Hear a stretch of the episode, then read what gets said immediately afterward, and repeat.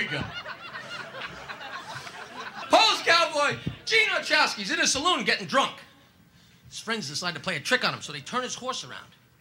Then they turn his saddle around so he won't know. Next morning, his wife says, Get up, Ochowski, get up and get out on the trail. He says, I can't get up, I'm beat, I'm whooped, I'm bush. He says, You're no good bum. Last night was different. Some son of a bitch cut my horse's head off. home with my finger in his windpipe.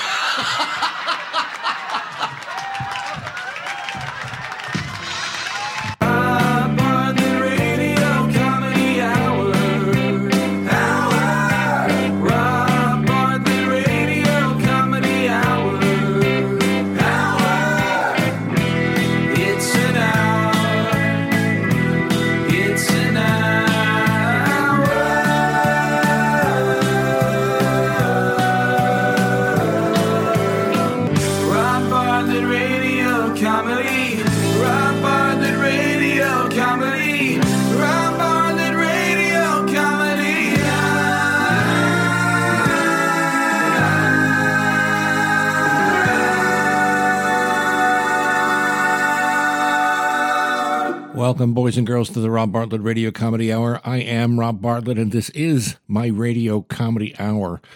This week, part two of my interview with Richie Minervini and Jackie Martling. Stories from the very beginnings of Long Island comedy, all part of the legend of the Magnificent Seven and Eddie Murphy and Dixon's White House and Cinnamon's and the East Side Comedy Club. Ancient, ancient history.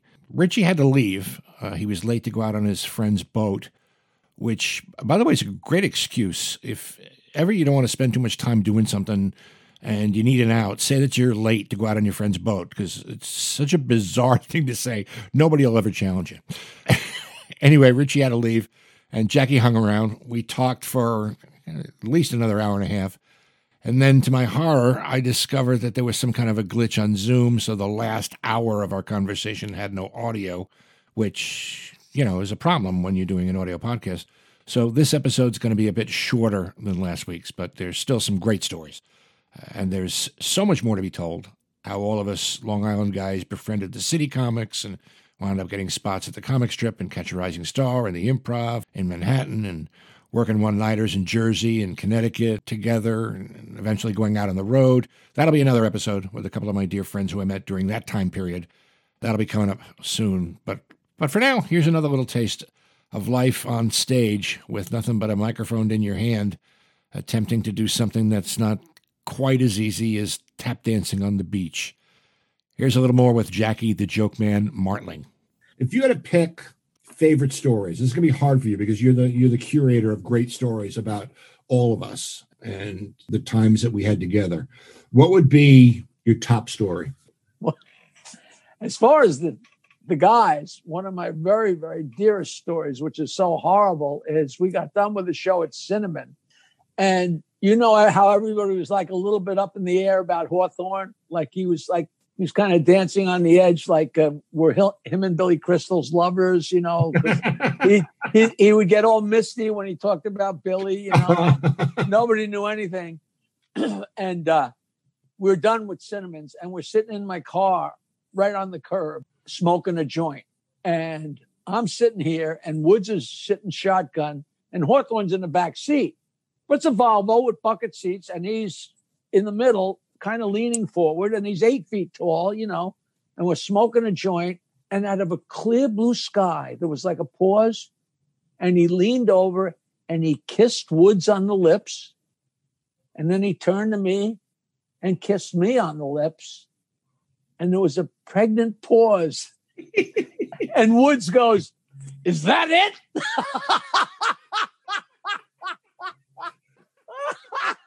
I swear, Rob, I swear on my mother. But a, a really great comic story is, uh, you know, we we're all doing whatever we could. So Woods was booking Dubonnaise, which became Mr. Riffs. But Woods got that gig, and he would book me a lot because I would book him at Governors a lot. You know, wash my back, wash your back. And I got a gig in Southern Jersey, and I said, "You guys, look, we none of us have any money. I would really love to go do that show." let me go do that show and you guys keep the show going and I'll show up and I'll close the show. And they said, okay. And Woods had booked me so many times and I had my album out and I had, I don't know if you remember, I had those little yellow cards. I put them on the table, fill out your name, get on Jackie's mailing list. You'll get jokes, blah, blah, blah. I, you know, I did all that crap long before anybody was doing that ridiculous. I was just Oh, hustling. I was, You've always been the hardest worker man in show business. You were such a hustler. I mean, you and who knows how much of that i mean the dial joke really paid off but all the other stuff but i'm working my ass off and woods tells the crowd listen folks martling's got another gig he's going to show up at the end do me a favor when he goes up when i introduce him go nuts and then when he starts his act don't laugh so I come walking in just as they, it's time for me. I walk in and he introduces me. He said, now Jackie Martling. And they went nuts. And I swear to you, in my egotistical mind, I can remember on my way to the stage at Mr. Rips, while was still in the front of the club, I'm walking up going, the albums, the mailing list, the cards on the tables, it's all paid I off. guess it, it all paid off. It all worked. the, the whole thing worked. And I got up on stage and I started and I didn't get anything. I was a rat in a trap. I turned on them and I got vicious and I got crazy. And after maybe five, ten, however, maybe 15 minutes, I don't know how long, finally from the back, Woods goes, Okay, folks, joke's over.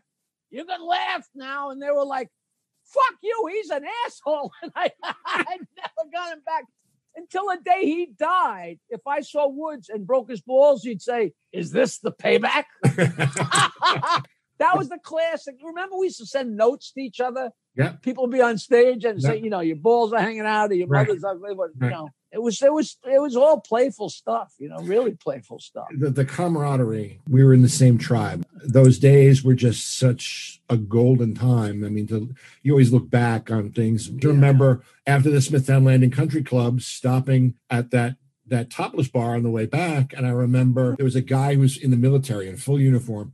And the stripper took his tie off and put it between her legs, did one of those slide back and forth things, and, and gave it back to him. And he, he goes, Wait, wait, wait, wait. I want you to autograph it. She said, I already did.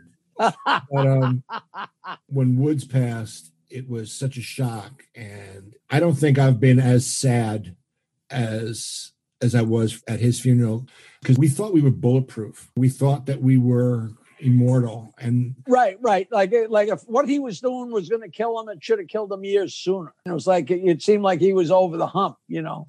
and and for such a gruff exterior that he used to present, he was the gentlest, sweetest, loveliest man inside. And I remember because we were his pallbearers, you know, after the, the mass was over, we were coming back out of the church and we're going down the aisle. I remember Mike Ivy sitting in, in one of the pews, this single huge tear coming down his face. It's just an image I'll never forget. And then before we took him to the steps to, to, to put him into the uh, hearse, they were they were sprinkling holy water. And I just remember looking at you guys and going, no spray wax. And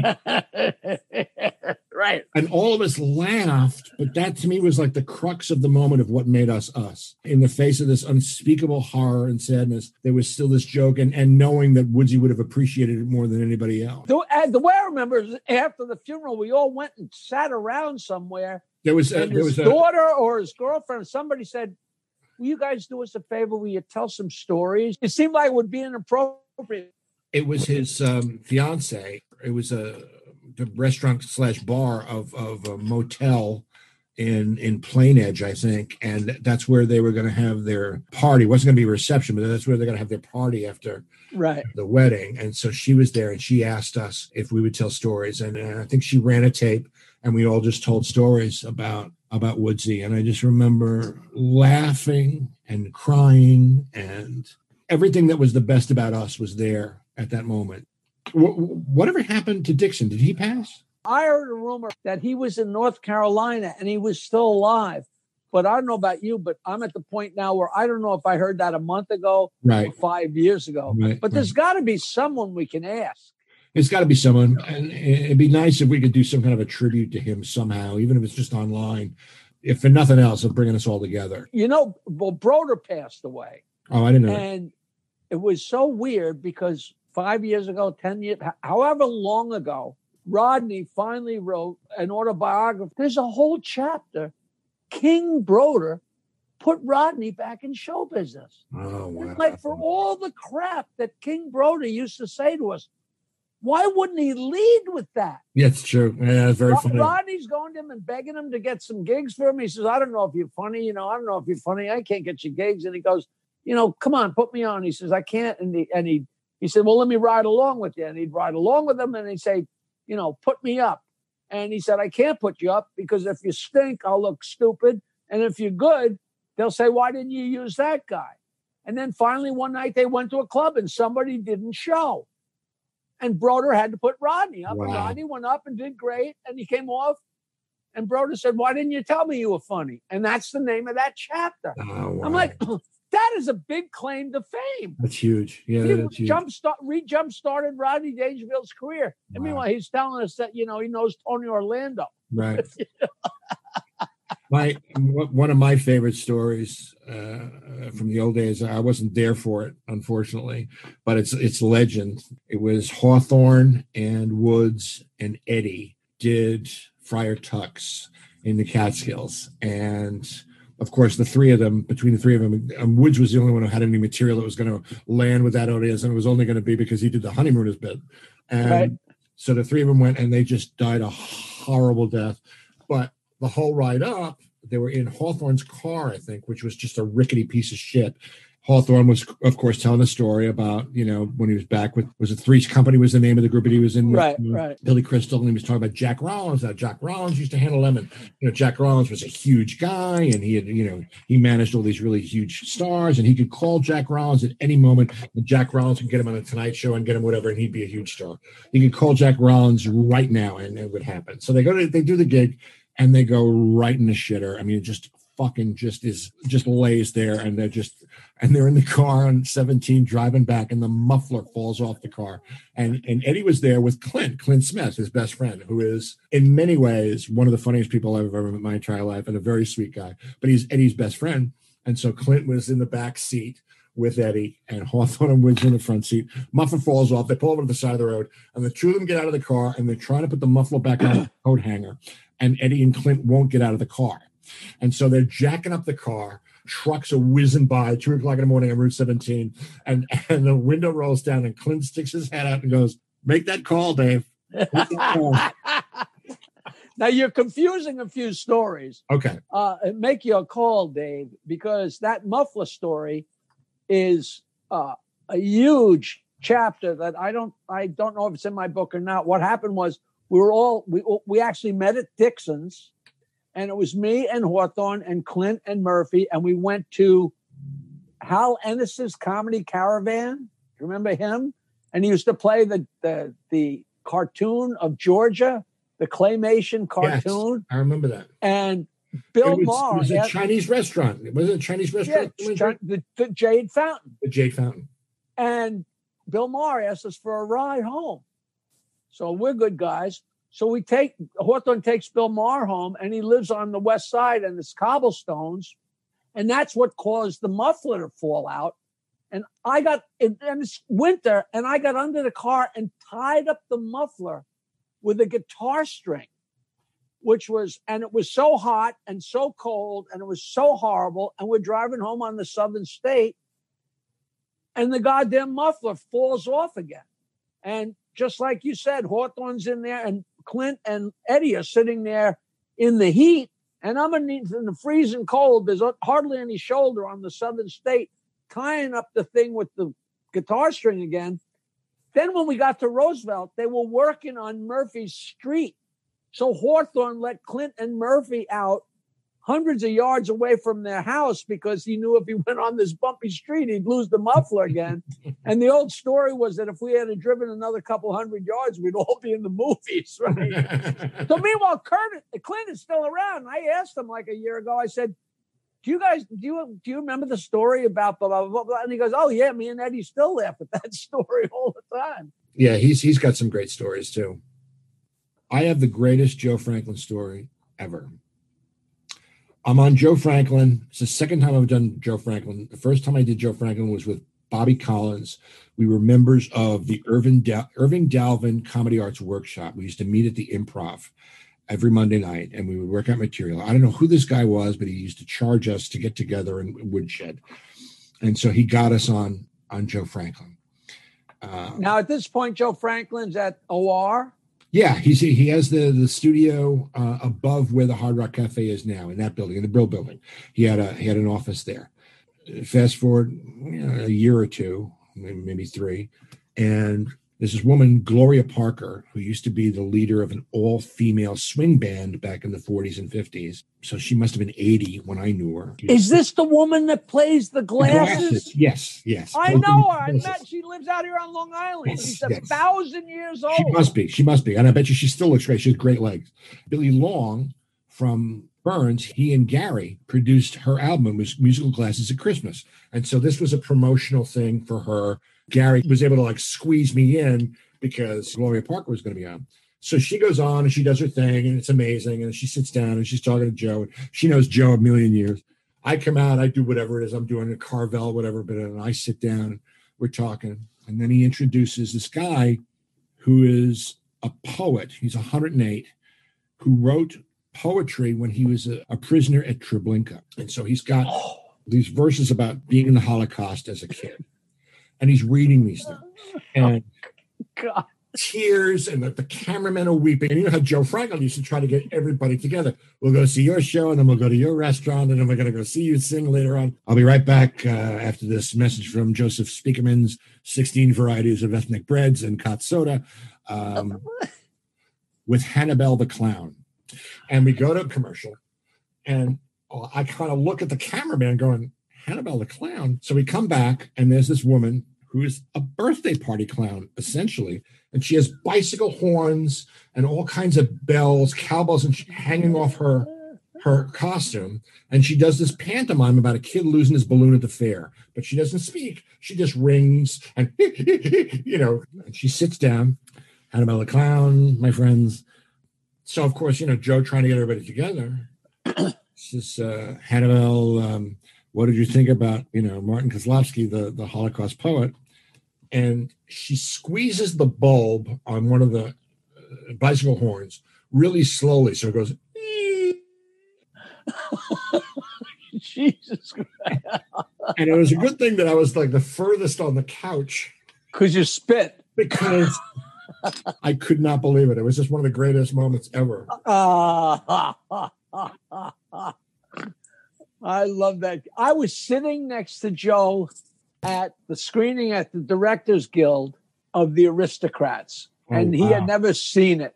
And I'm sitting next to him, and all of a sudden, Sarah Silverman's there, and she says, "Yeah, you know, I went to Joe Franklin's office once, and I walked in, I sat down, and Joe was nice. He came out, sat down, and started talking to me. And she take this is in the movie Right, I remember. she takes a pause and she goes, and Joe Franklin raped me. and he'd never seen this before. And everybody goes wild and he's freaking out. And we're like, Joe, Joe, that's getting it's comedy. It's getting your name out. It's you know, blah blah blah. I mean, he, he wanted to kill somebody, but it was so it was so funny. And the idea of Joe Franklin raping somebody Right, is so funny to begin with. Right. You know, the, the thought of him having sex when he was 20, let alone when he's 100, you I, know. rem- I remember going to his office because you used to go into his office before you did the show. He would do like a little pre-interview, which really wasn't a pre-interview. He would just start talking about all these obscure vaudeville acts, and then from floor to ceiling, and it was like a little closet of an office. He had newspapers just stacked from floor to ceiling, and they were all yellowed all around the. Almost like the attic uh, where you had your jokes taped. It was like that kind of a thing where it was like But it it was it, it literally like it was almost like he had burrowed a hole in all that crap, right, and then he moved. And I remember everybody was like, "How could he possibly move that?" And he moved to a new place at, at corner forty second and eighth, and you walk in, it was the same. Sam. Somehow they had recre- recreated it, and it was not. And but it wasn't just garbage. Like here's like a signed picture of Barbra Streisand, Right. and here's a you know it was like. I wonder what happened to all that cra It was crazy memorabilia. But I just You know. remember him talking about, you know, of course, you know, uh, Billy Gleason, the great Billy Gleason, and he would, and then he would get up and we'd go to a stack of these newspapers and he would pull out, Pull out, right. and it was a an article about fucking Billy Gleason. He had a club on 45th and 8th, Yes, I remember. And uh, he did a show. He had a little comedy club in the back. He was such a hustler. And I just got such a kick out of him, He was great. you know. Now, I think Ron Richards is still alive and kicking in Seattle. Yes, he and and Rich Hall were very good friends, and they were really the two of them together. I remember going out to Jersey where Ron Richards lived, and he was doing videos. He was trying to put together like a, a. Right. I we me and Nancy tried to do one with Right. her car. They, they were Right. like little these like video snippets before Right. it was before it was the rage. right, right, right, right. You know, he was a, you know, him and Rich Hall lived in that house in Jersey and Yep. there were two bachelors. There was no furniture, there was no nothing, nothing in the refrigerator, two Emmys on the mantle.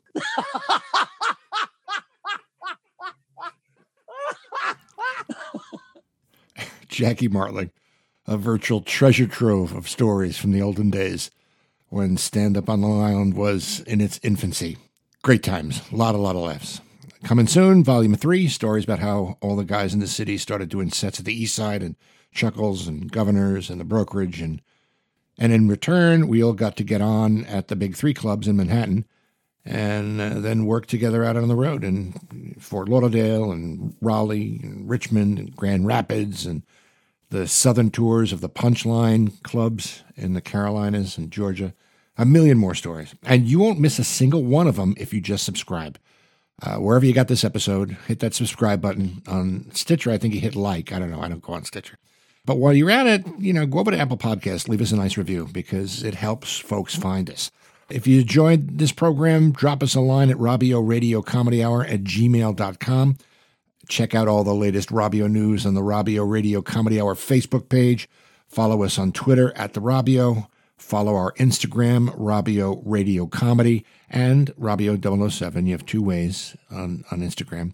And uh, check out the Rob Radio Comedy Hour YouTube channel. There's some some good stuff, some video of when we first started out with a, a full cast and did the show on stage in front of a live audience. And if you, you know, have no plan B in your life and uh, thinking about doing stand up comedy, or if you're already a stand up comedian and would like a little bit of uh, help from somebody who's who's been doing it for the past 75 years, uh, go to the rbstudio.com. I do online coaching in stand up, also in acting, because, you know, I did that Broadway thing for a little while. So the rbstudio.com, check that out. Our program produced by Gary Grant and me, Rob Bartlett, written by me, Rob Bartlett, along with the great Andrew Smith every once in a while. Uh, actorized by me, Rob Bartlett, edited by me, Rob Bartlett. The Rob Bartlett Radio Comedy Hour theme music and lyrics by Gary Grant, performed by Steve Mecca. All stunts done by me, Rob Bartlett. Mr. Bartlett's wardrobe provided by Botany 500. No animals were harmed in the production of this podcast. We'll see you again next time on the Rob Bartlett Radio Comedy Hour, boys and girls. But until then, be good to each other, won't you?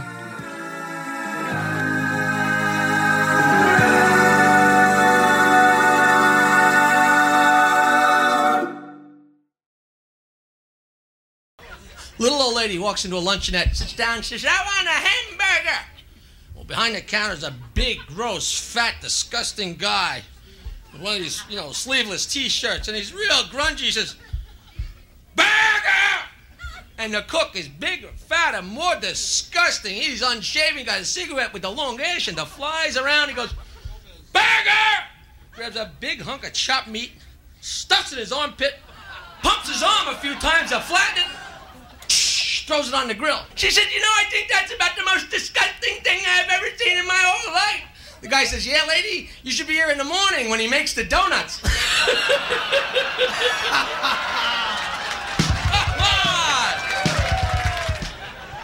Hello and welcome to the Mental Health Hotline. If you are obsessive compulsive, press 1 repeatedly. If you are codependent, ask someone to press 2 for you. If you have multiple personalities, press 3, 4, 5, and 6.